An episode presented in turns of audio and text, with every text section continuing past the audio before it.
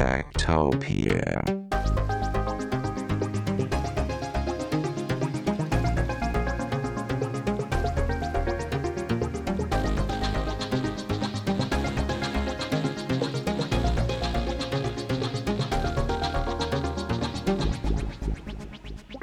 Tektopia er en podcast om mennesker og deres teknologi, udgivet af Ingeniørforeningen IDA i samarbejde med mediehuset Ingeniøren og China Experience, støttet af Innovation Center Danmark, IDA Forsikring og EUT Electronics of Tomorrow.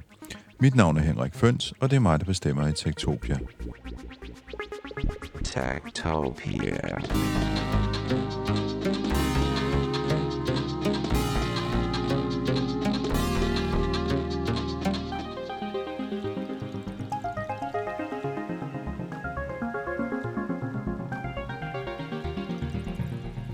Lige nu er vi plaget af chipkrisen, som vi har talt om flere gange her i øh, Tektopia.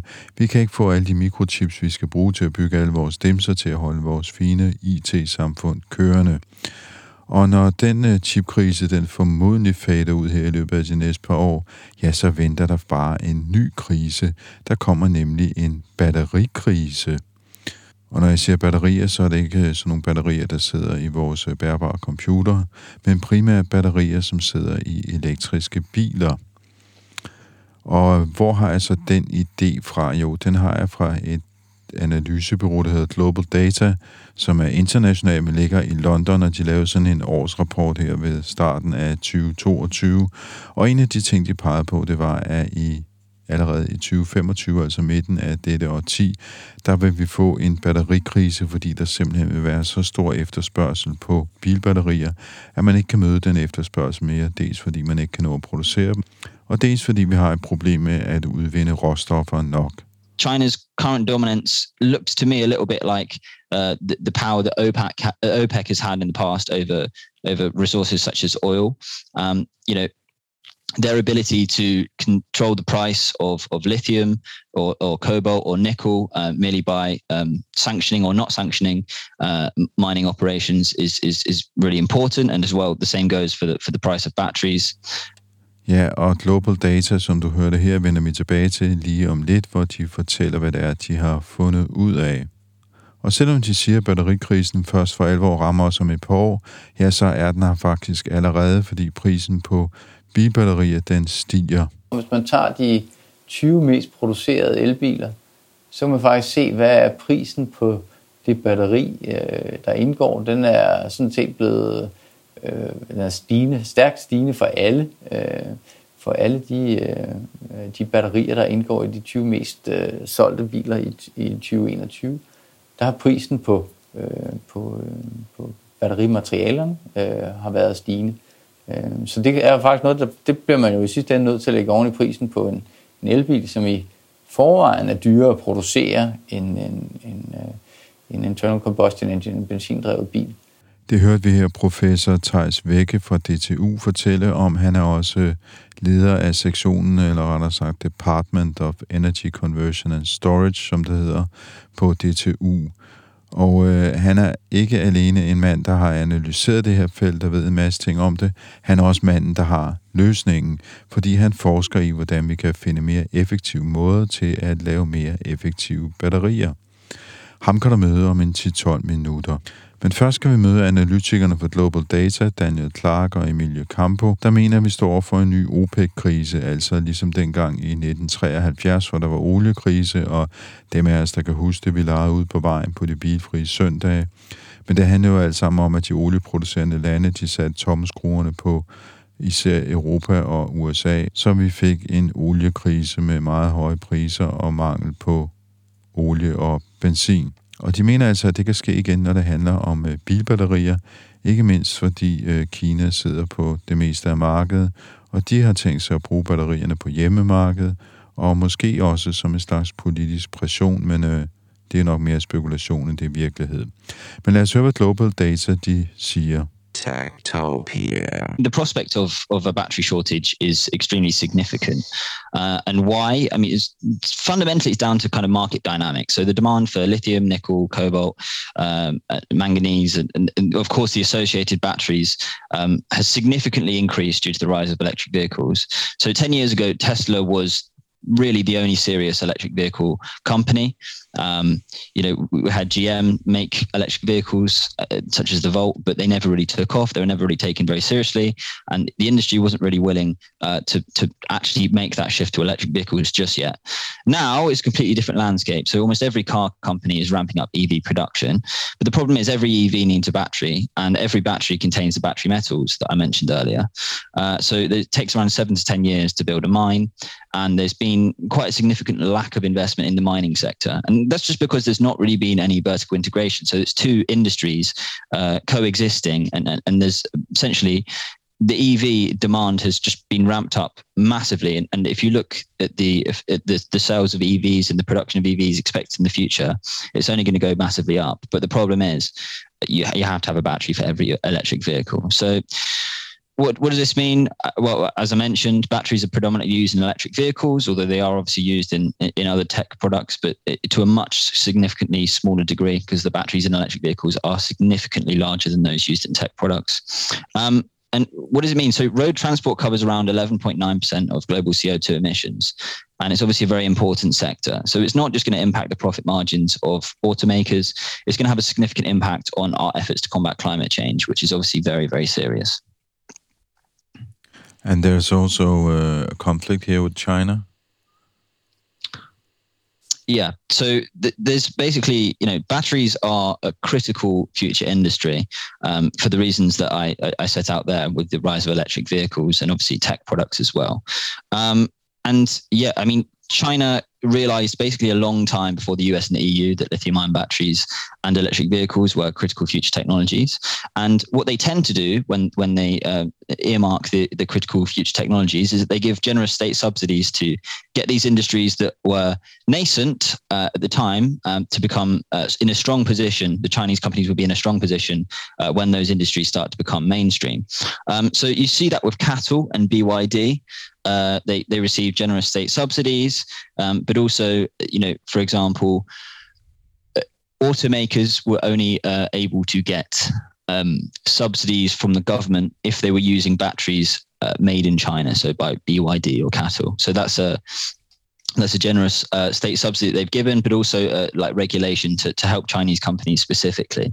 Um, the key thing here is is that batteries were earmarked in, in 1986. China had the uh, 1863 plan in which they wanted to develop the the, the critical uh, future technologies, and EVs were included as a key government focus in 2001, and were in, in, in research into that was given a significant uh, investment.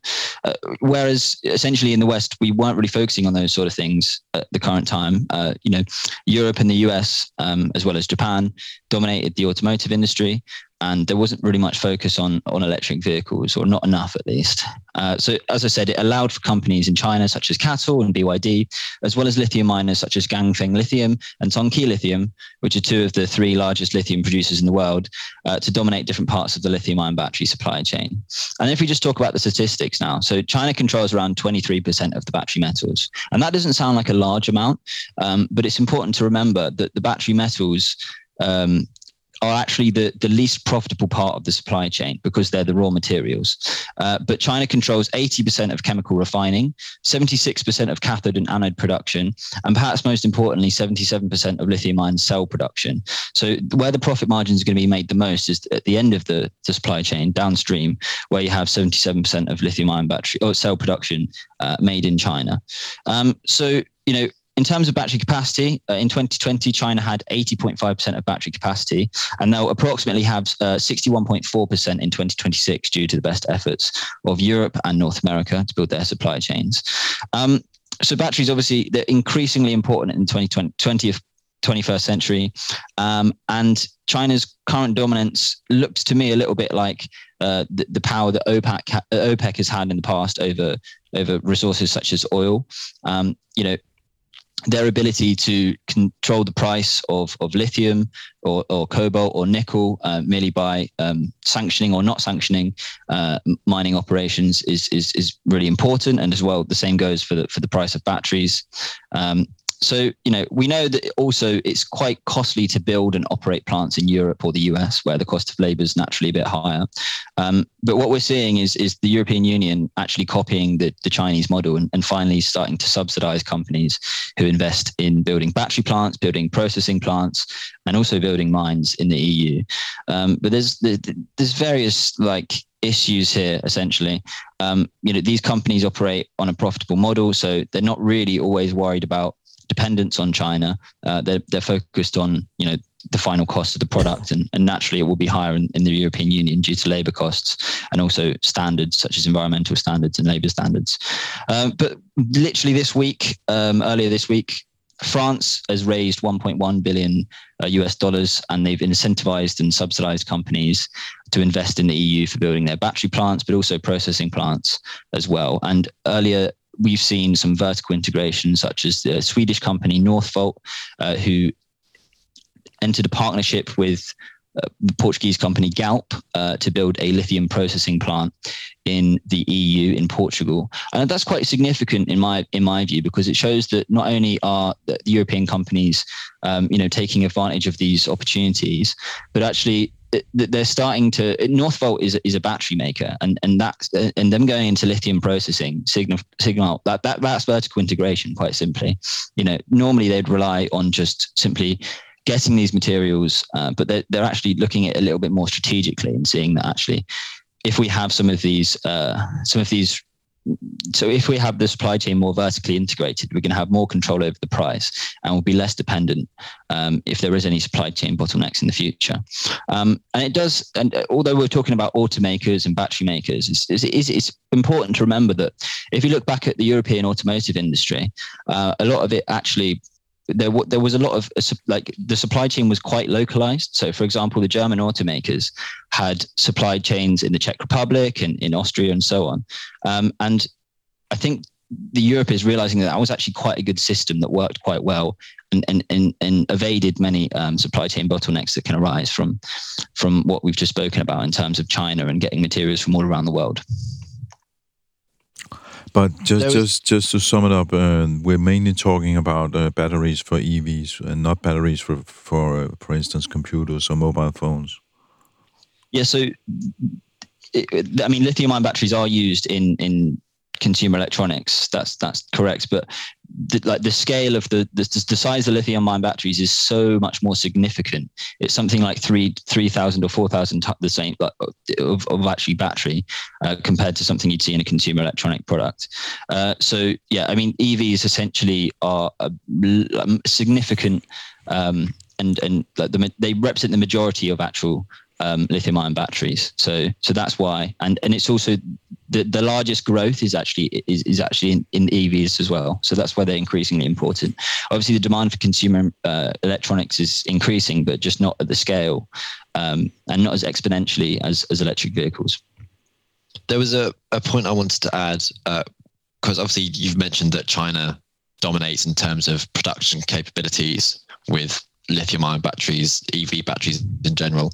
Um, Dave, a way that they've kind of incentivized domestic companies to increase their production as well is by bringing in Tesla and allowing Tesla to kind of manufacture cars in China. I think they've uh, a statistic that they rank third in EV sales in the country um, and is the only foreign automaker in the top 10. Um, and they produced uh, over 70,000 China made vehicles um, in December. Um, and it's, I think the, the phrase that was used was they're a, a catfish, um, where they're brought in to kind of put fear into the hearts of the rest of domestic companies, um, act, act as a example for the domestic companies to kind of work towards um, and push general production of EV vehicles in China upwards and increase kind of investment and innovation. Um, I think Tesla, I mean Tesla's the only Tesla's, Tesla's an incredibly innovative company. Um, and yeah, it's just another example of China being incredibly capable and strategic in terms of its technological innovations. Um, and it's just a, again, with this big focus on EVs across the world and China's dominance with battery production, there's definitely going to be a shortage of sorts. Yeah, just one thing I'd add on on the EU subsidies actually. So uh, we spoke about China's uh, pre-existing dominant position and the fact they've had really basically a head start on everyone else. Um, and you, what we're seeing in, in Europe is obviously the demand for electric vehicles. You know, is one of the, the highest in the world, actually behind China. And it, the thing is, the European Union has a trade-off essentially now between kind of geopolitics and climate action because their subsidies actually allow for foreign foreign companies such as Tesla or uh, you know CATL and BYD to actually receive subsidies to build battery plants in the EU, and essentially you know, for example, Tesla, although they actually didn't get the subsidies, but due to a technicality, they were building uh, a gigafactory, or they are building a gigafactory in Berlin. And what we're seeing as well as CATL and BYD uh, heavily investing uh, in, in, Europe, and that's just simply to meet uh, the demand that is needed. Um, but what we're seeing is, is yeah, the demand being met, and and, and the climate action uh, in terms of electric vehicle production being ramped up. Um, but a lot of that is still fed by Chinese batteries, even if they are made in Europe.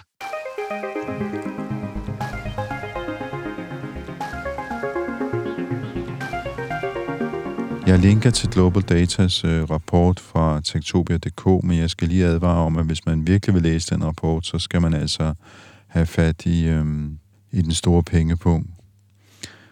Nu skal vi videre til DTU. Vi skal hilse på professor Thijs Vække, manden, som måske har en løsning på de her problemer. Tektopia. Mit navn er Thijs Vække. Jeg er professor på DTU Energi, og så er jeg leder af en sektion for det, hedder Atomar, øh, eller Autonomous Materials Discovery, hedder det på engelsk, hvor vi prøver at udvikle nye batterimaterialer og nye katalysatorer til Power to X. Øh, grunden til, at jeg opsøger dig, er jo, at øh, jeg har snakket med nogle folk i London Global Data, som siger, at vi kommer til at stå over for en ny sådan OPEC-olieagtig krise bare på batterier inden for de næste ja, et par år faktisk allerede. Så øh, det kunne jeg godt tænke mig at spørge dig om allerførst. Er, er, det, er det sandt? Om det er sandt, er svært at svare på, men om det er et muligt scenarie, det er faktisk øh, bestemt ikke usandsynligt, at det kommer til at ske. Øh. Og hvad, hvad er det, der forårsager det her scenarie så? Ja, en af tingene er, at, øh, at den skal vi sige, efterspørgsel, der er på batterier, er ret svær at møde. Det er noget, der er steget eksplosivt over de sidste par år. Og selvom der bliver i gang sat en masse nye såkaldte gigafactories til at producere de batterier, så kan det faktisk være svært at møde det stigende behov. Øhm, og det kan godt lede til nogle flaskehalse på enten på givende materialer eller på selve produktionen af, af battericeller. Øhm, om det bliver specifikt i Europa, at den kommer til at ske, eller det bliver globalt, det, det er jo svært at forudsige. Men, øhm, men det er ikke et usandsynligt scenarie.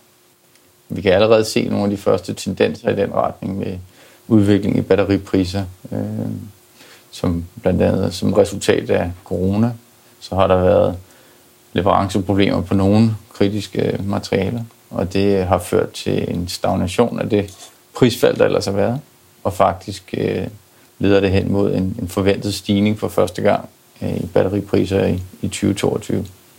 Og den type batterier, vi taler om, det er så typisk batterier til elektriske biler? Ja, det er så lithium-ion-batterier, som jo dominerer øh, suverænt øh, markedet for elektriske øh, biler, men også begynder at, øh, at dominere andre former for, øh, for lagring, også til stationær øh, lagring, til kortere tids lagring, til at stabilisere for eksempel sol og vind. Og det betyder også en forøget efterspørgsel på, på de batterier fra, fra andre markeder. Så, øhm, så der er, er stor efterspørgsel øh, på, på batterier, og selvom produktionen virkelig er stærkt for opadgående, så er der pres på, på enkelte elementer. Men som jeg hørte sige, så er det, der, der er to ting. Dels er det kapaciteten til at producere, men der er også noget med råstofferne. Der er nemlig også noget med råstofferne. Og hvor det for et par år siden øh, primært var kobolt, man kiggede på, så har det sådan det sidste år her været meget lithium, øh, og så faktisk også nu øh, grafit, som man også skal bruge øh, en del af, men i særdeleshed lithium på, på nuværende tidspunkt. Og det betyder ikke, at fordi man har lavet meget mere kobolt og produceret meget mere kobolt, det er fordi nogle af de batterikemier, øh, der bliver brugt, de bliver mindre og mindre afhængige af kobolt. Det er bestemt ikke et løst problem, men det er, det er et problem, der gradvist bliver en lille smule mindre i forhold til øh, for eksempel lithiumproduktionen her nu.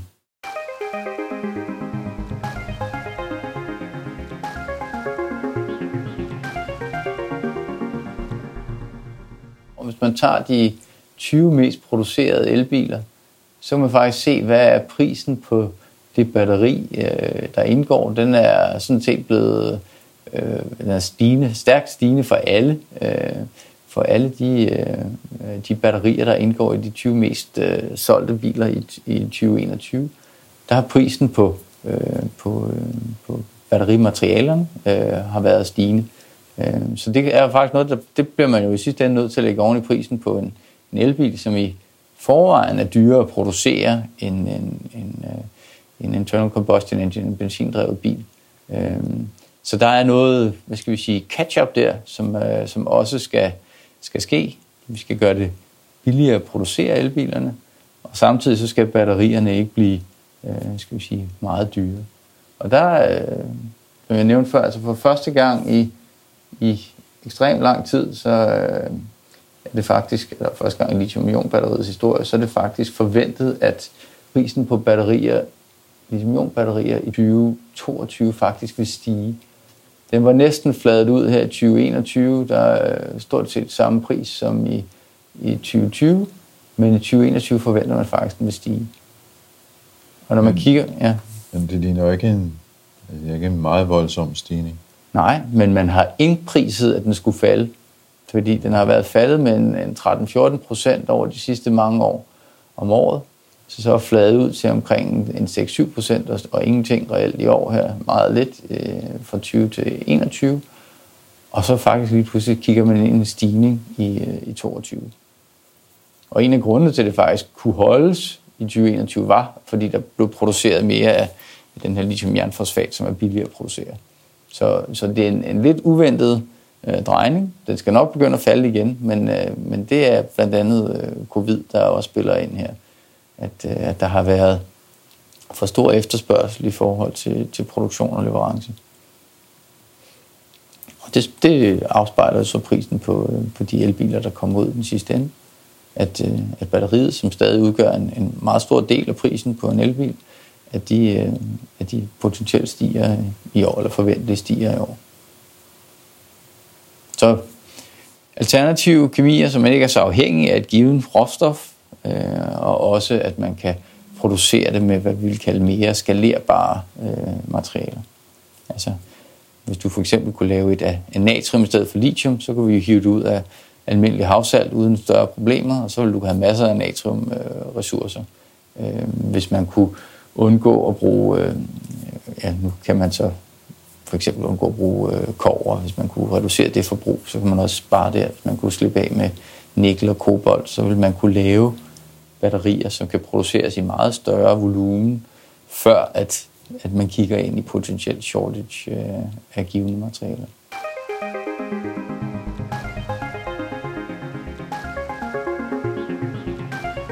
Og så er det her, du kommer ind i billedet i virkeligheden. Øh, heldigvis er det ikke kun mig, men der er en, en del, øh, der kommer ind i billedet her. At, øh, at en af måderne at imødegå de udfordringer, der kommer til at være, er jo at opfinde, øh, udvikle nye batterikemier, som kan, skal vi sige, kompensere for de potentielle øh, shortcomings, der er i materiale øh, leverancerne, og være mindre afhængige af kritiske Øh, eller metaller og materialer. Og der blev jo kigget utrolig meget på øh, alternativer til, nu nævnte jeg kobolt før, der er meget nikkel i de batterier, der bliver brugt til, til elektriske biler. Øh, mangan er ikke så kritisk, men både nikkel og kobolt er, er ret kritiske. Og faktisk øh, så har Tesla for eksempel øh, med de Model 3-biler, de producerer i, i Kina, genintroduceret et, et lithium-jernfosfat-batteri, øh, som er et, et batteri, der har mange år på banen, men har ikke været brugt, fordi det ikke kunne have den samme energitæthed. Men nu kan man så se, at øh, man kan faktisk producere tilstrækkeligt lang rækkevidde, selv med et, et batteri, der har lidt, øh, lidt, lidt mindre kapacitet, vejer en lille smule mere per kørt kilometer, hvis du siger det på den måde. Men til gengæld, så kan man øh, producere det uden at være afhængig af de her kritiske metaller. Øh, så det, de kommer også til Europa nu. At, øh, så har de lidt kortere rækkevidde. De kan sikkert lade lidt hurtigere, hvis de får lov. Øh, så man begynder at kigge på andre øh, kemier. Men du har udtalt i forbindelse med et stort projekt, I er en del af, at, øh, at det her det handler om at opfinde en ny måde at opfinde nye batterier på. Så hvad er det i grunde? Og Ja, jeg leder et, øh, et, et stort øh, europæisk batteriprojekt, der hedder Big Map, hvor vi øh, forsøger, som du siger, at genopfinde måden, man opfinder batterier på. Så nu nævnte jeg to øh, batterier, eller når vi snakker om lithium-ion, så er det sådan set den samme batterikemi fundamentalt, som var i den første lithium-ion-batteri, som Sony øh, kommercialiserede i 1991. Det er ikke helt sandt, men de fundamentale principper med et koboldoxid, som man nu hælder nogle andre øh, metaller i også, er sådan set det samme. Og samtidig med det her i, i 90'erne, der opfandt man faktisk også lithium-jernfosfat-batteriet. Så det er sådan set to batterikemier, der nu har, har gået 30 år på banen, som man stadig bruger sådan helt, øh, helt fundamentelt. Det er fordi, det tager simpelthen utrolig lang tid at opdage øh, nye batterikemier og nye metoder eller måder, de virker på. Så typisk tager det omkring 20 år, fra man har forstået konceptet, til man har et kommercielt bæredygtigt batteri. Og det er simpelthen for langsomt. Hvis vi skal møde øh, den her stærkt stigende efterspørgsel på både batterier til, øh, til transport, men også til andre anvendelser, for eksempel lagring af vedvarende energi, så skal vi kigge på andre måder at tænke batterier på, andre kemier. Det kunne for eksempel være organiske batterier, det kunne være mange forskellige typer af batterikemier, man ikke engang har tænkt på endnu. Og der er den måde, vi har traditionelt har opfundet øh, batterier på, som er meget sådan, vi kan kalde den Edisonian eller trial and error. Øh, det går simpelthen for langsomt. Så der i det øh, store EU-projekt, der skal vi sådan set genopfinde måden, man opfinder batterier på, ved at kunne bruge alle de data, man kan indhente fra store computersimuleringer, fra store faciliteter, der kan lave karakterisering af batterier, til øh, data fra indbrugerne. Det skal vi kunne koble sammen i en fælles, vi kalder det en infrastruktur eller en platform, sådan så man kan hente de data, der skal til, øh, og udvikle modeller, der kan forudsige, hvordan batterierne opfører sig. Så langt hurtigere end reelt at skulle lave et batteri, som man så skal teste på, hvordan det holder, så kan vi koble data fra store simuleringer, fra store eksperimenter og fra brugere til hurtigere at kunne forudsige, om en ny batterikemi den er bedre, eller hvad det er, der skal forbedres ved Og det bruger blandt andet kunstig intelligens til? Der, hvor kunstig intelligens og maskinlæring er en meget vigtig del i den proces. Øh, man kan sige, der er sådan to, øh, to, alle de her ting, som jeg nævnte først, det er noget, vi sådan set gør i dag. Problemet er, at de snakker ikke sammen. De, så har vi øh, her på gangen for eksempel folk, der sidder og laver storskala computersimulering, eller lidt længere nede, der laver eksperimenter eller tester batterierne i laboratoriet. Men den måde, man genererer data på, og den måde, man anvender data på, er forskellig fra de forskellige fra de domæner. Så en af de ting, vi gør i projektet, det er at lave et fælles sprog, et batterisprog, kan man kalde det, for, øh, som de kan tale sammen og udveksle data på tværs af de her siloer, som det er i traditionel forskning. Men det er ikke os, der nødvendigvis sender dataen på tværs. Der kan vi bruge kunstig intelligens, som ved, hvilke data den har mest brug for på et given tidspunkt. Det kunne for eksempel være, at i stedet for jernfosfat, at man skulle lave et manganfosfat, så kan man sætte det eksperiment over. Så kan man faktisk styre en synteserobot, som laver et nyt materiale. Og mens man så forsøger at lave det materiale, så kan man karakterisere, at man faktisk får dannet det materiale, man troede. Man kan teste i laboratoriet. Men sideløbende, så kunne man også prøve med et øh, vanadium-variant eller andre materialer, så man behøver ikke at vente på, at man har været igennem hele testen og få afprøvet ny kemi for at se, om den faktisk holder og virker i en bil. Man kan løbende se, at den bliver lidt bedre på den her ene parameter, som for eksempel er, hvor hurtigt man kan lade øh, materialet så går man videre den vej. Hvis den til gengæld bliver dårligere der, så skal man prøve noget andet. Og der er kunstig intelligens utrolig god til at prøve at forudsige nye steder, hvor man kan, kan undersøge. Og det kan være ting, der virker meget kontraintuitivt på os forskere, fordi den kan have brug for at søge et område af faserummet, som vi kalder det, hvor der er høj usikkerhed. Så det er ikke det, som vi vil sige, om det er lige her. Typisk så er man inden for et lille område, hvor man så kan bevæge sig rundt, og så finder man det bedste inden for det lille område.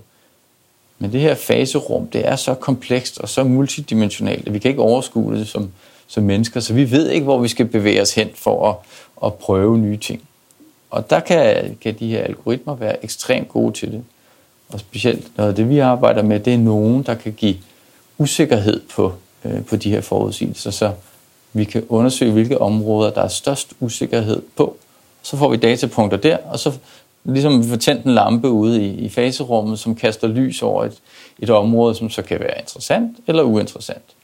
Øhm, og det er en måde, hvor man kan kombinere alle de her øh, mange datastrømme til hurtigst muligt at forudsige nye øh, materialesammensætninger.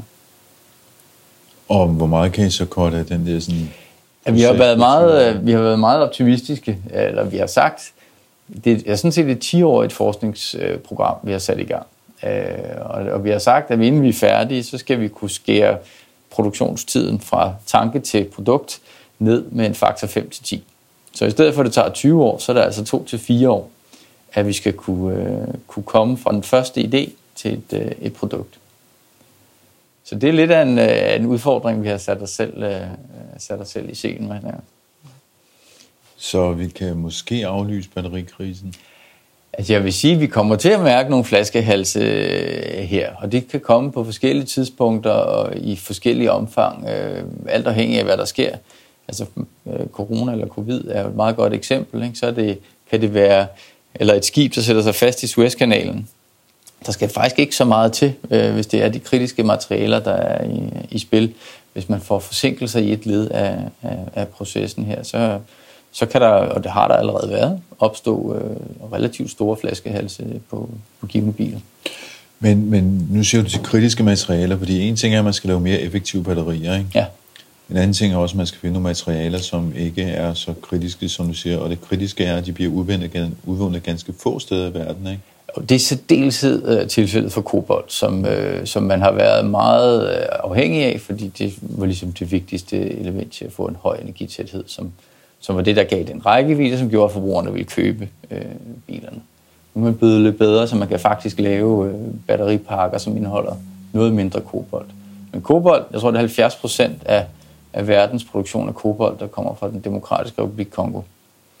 Det er en, en ret høj usikkerhedsfaktor på, på produktionen. Det er også materialer, der bliver produceret under, under mindre bæredygtige forhold, i hvert fald for nogle producenter. Så det, det har virkelig været noget, man gerne vil, ville øh, vil væk fra. Det er et, et materiale, der ikke blev produceret ret meget af. Det ligger et ustabilt øh, område. Øhm, men det var, afhæng, altså det var afgørende for, at man faktisk kunne levere biler, der kunne give en rækkevidde, som, øh, som producenterne gerne, eller som forbrugerne gerne ville have. Så bevæge sig væk fra kobolt, kan sige, lithium kan man sådan set godt udvinde på andre måder, man gør i dag. Der er bare en, en kapacitetsmangel lige på nuværende tidspunkt, som man skal kompensere for. Øhm, og grafitten også, som også bliver brugt i, i stort omfang. Der er Øh, der er nogle ting, hvor det, hvor det kræver lidt, øh, lidt, lidt hurtig udbygning, hvis der ikke skal opstå flaskehals. Nu, nu har vi snakket om elektriske biler, men øh, hvis vi skal være CO2-neutrale, så spiller batterierne en vis rolle. Altså, hvilken rolle spiller de? De spiller, øh, jeg kan sige, to forskellige øh, roller. Altså alt på transportsiden, det kan vi sige, altså man kan jo gå ud over elbilerne også. Øh, det kan også til lastbiltransport, måske ikke den allerlængste, men øh, sådan øh, fra øh, skal sige, infrastruktur i stør, omkring større byer og, og til i Danmark kunne man sådan set sagtens dække det med batteri øh, hvis det skulle være. Men færger, potentielt på sigt også fly, men det er godt nok ikke sådan det store passagerfly til San Francisco, vi snakker om her, men kortere distancer mellem, øh, mellem europæiske øh, byer kan man godt øh, se kunne ske inden for en overskuelig overrække. Øh, men hvis man kigger på den stationære lagring, altså i særdeleshed i et, i et energisystem, der er stigende afhængig af sol og vind, så skal man have en måde at balancere energiproduktionen på til behovet. Altså solen skinner jo mest, når vi kan se den, altså midt på dagen. Øh, vores forbrug er størst om morgenen og om aftenen. Så der er en afkobling imellem, hvornår vi producerer mest fra sol og vind. Det gælder sådan set også der. Der er en afkobling mellem den største produktion og det største forbrug. Og der skal man altså finde en måde at, at klare den forskydning på. Så selv inden for en dag, så skal man kunne forskyde produktion og, og forbrug med 6 timer øh, nogle gange. Og der er, selv der, der begynder batterier faktisk at være, være lidt for dyre. Fordi det er meget store batterier, man skal have for at kunne klare den forskydning. Så der skal man tænke i nogle andre måder at lave batterier på. Man kigger blandt andet noget, der hedder flow-batterier, som er nogle store tanke, altså man laver flow-batterier i dag. Store tanke, hvor man kan pumpe væske rundt. De har ikke lige så høj energitæthed som, som lithium-ion, men de kan til gengæld holde til at blive brugt rigtig mange gange øh, og, ja, øh, om dagen, altså flere tusind cykler, øh, man op og aflader. Øh, men de fylder lidt mere. De kunne så stå på en mark ved siden af en, en vindmølle. Øh, man kunne også lave dem baseret på for eksempel natrium i stedet for, øh, for lithium, eller øh, zink kan man også bruge. Så der er andre batterikemier, som kommer i spil til den stationære lagring. Og den, det er potentielt en endnu større udfordring. Jeg kan man sige, det er dag-til-dag problematikken. Men der er jo altså også ting, hvor du gerne ville kunne forskyde dit forbrug fra sommer til vinter, eller fra vinter til sommer, eller om man skal varme eller køle. Og der er batterierne nok ikke den øh, smarteste løsning. Altså der skal man over i, i Power to X, eller lave nogle kemikalier, øh, som man kan lære øh, med høj energitæthed, som er meget højere end i batterierne. Til gengæld så taber man lidt øh, mere i processen, når man skal lave kemikalier, end man gør i batteri.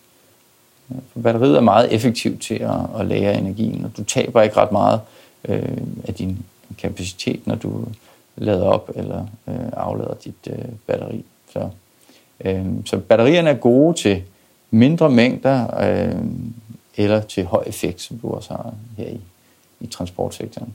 Så det skal være en kombination af, af batterier til at regulere også spænding, frekvens i elnettet, øh, hvor noget der skal kunne reagere rigtig hurtigt. Øh, og så øh, sådan power to x, altså kemikalier eller brændstoffer, man laver ud fra, øh, ja, fra elektrolyse, øh, hvor man tager og spalter vand øh, og laver brint, og så kan man så koble det med CO2 eller med kvælstof og lave ammoniak, hvis man har lyst til det.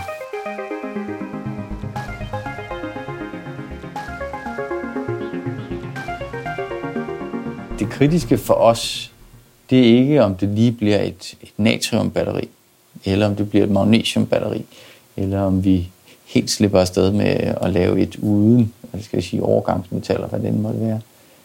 Det vigtige for os er sådan set at udvikle en platform, der vil gøre det muligt at undersøge alle de her forskellige metoder. Alle de her forskellige måder.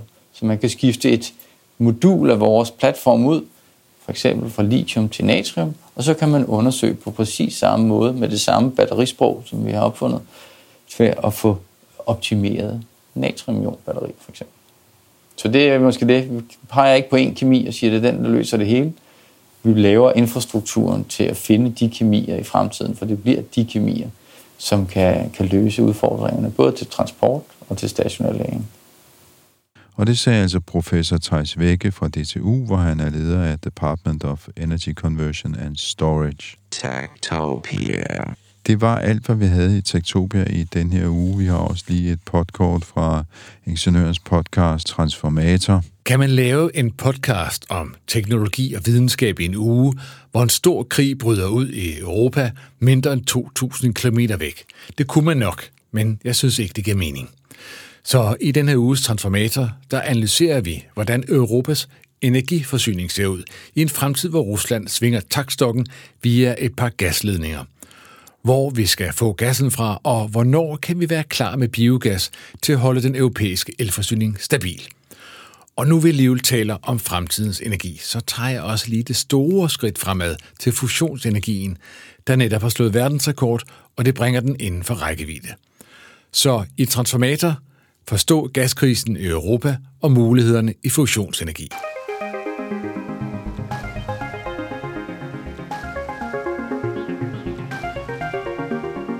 Du har lyttet til Tektopia. Vi udkommer hver mandag på stort set alle podcastplatforme.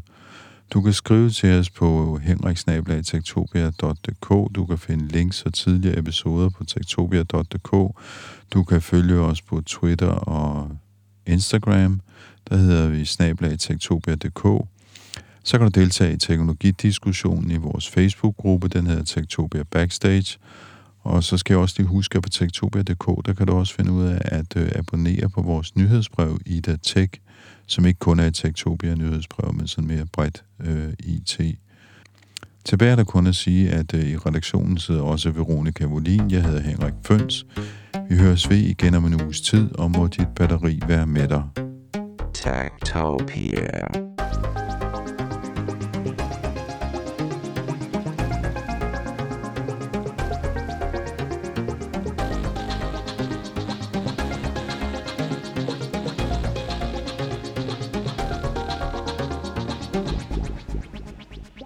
Tektopia er en podcast om mennesker og deres teknologi, udgivet af Ingeniørforeningen IDA i samarbejde med mediehuset Ingeniøren og China Experience, støttet af Innovation Center Danmark, IDA Forsikring og EUT Electronics of Tomorrow. Mit navn er Henrik Føns, og det er mig, der bestemmer i Tektopia. Tektopia.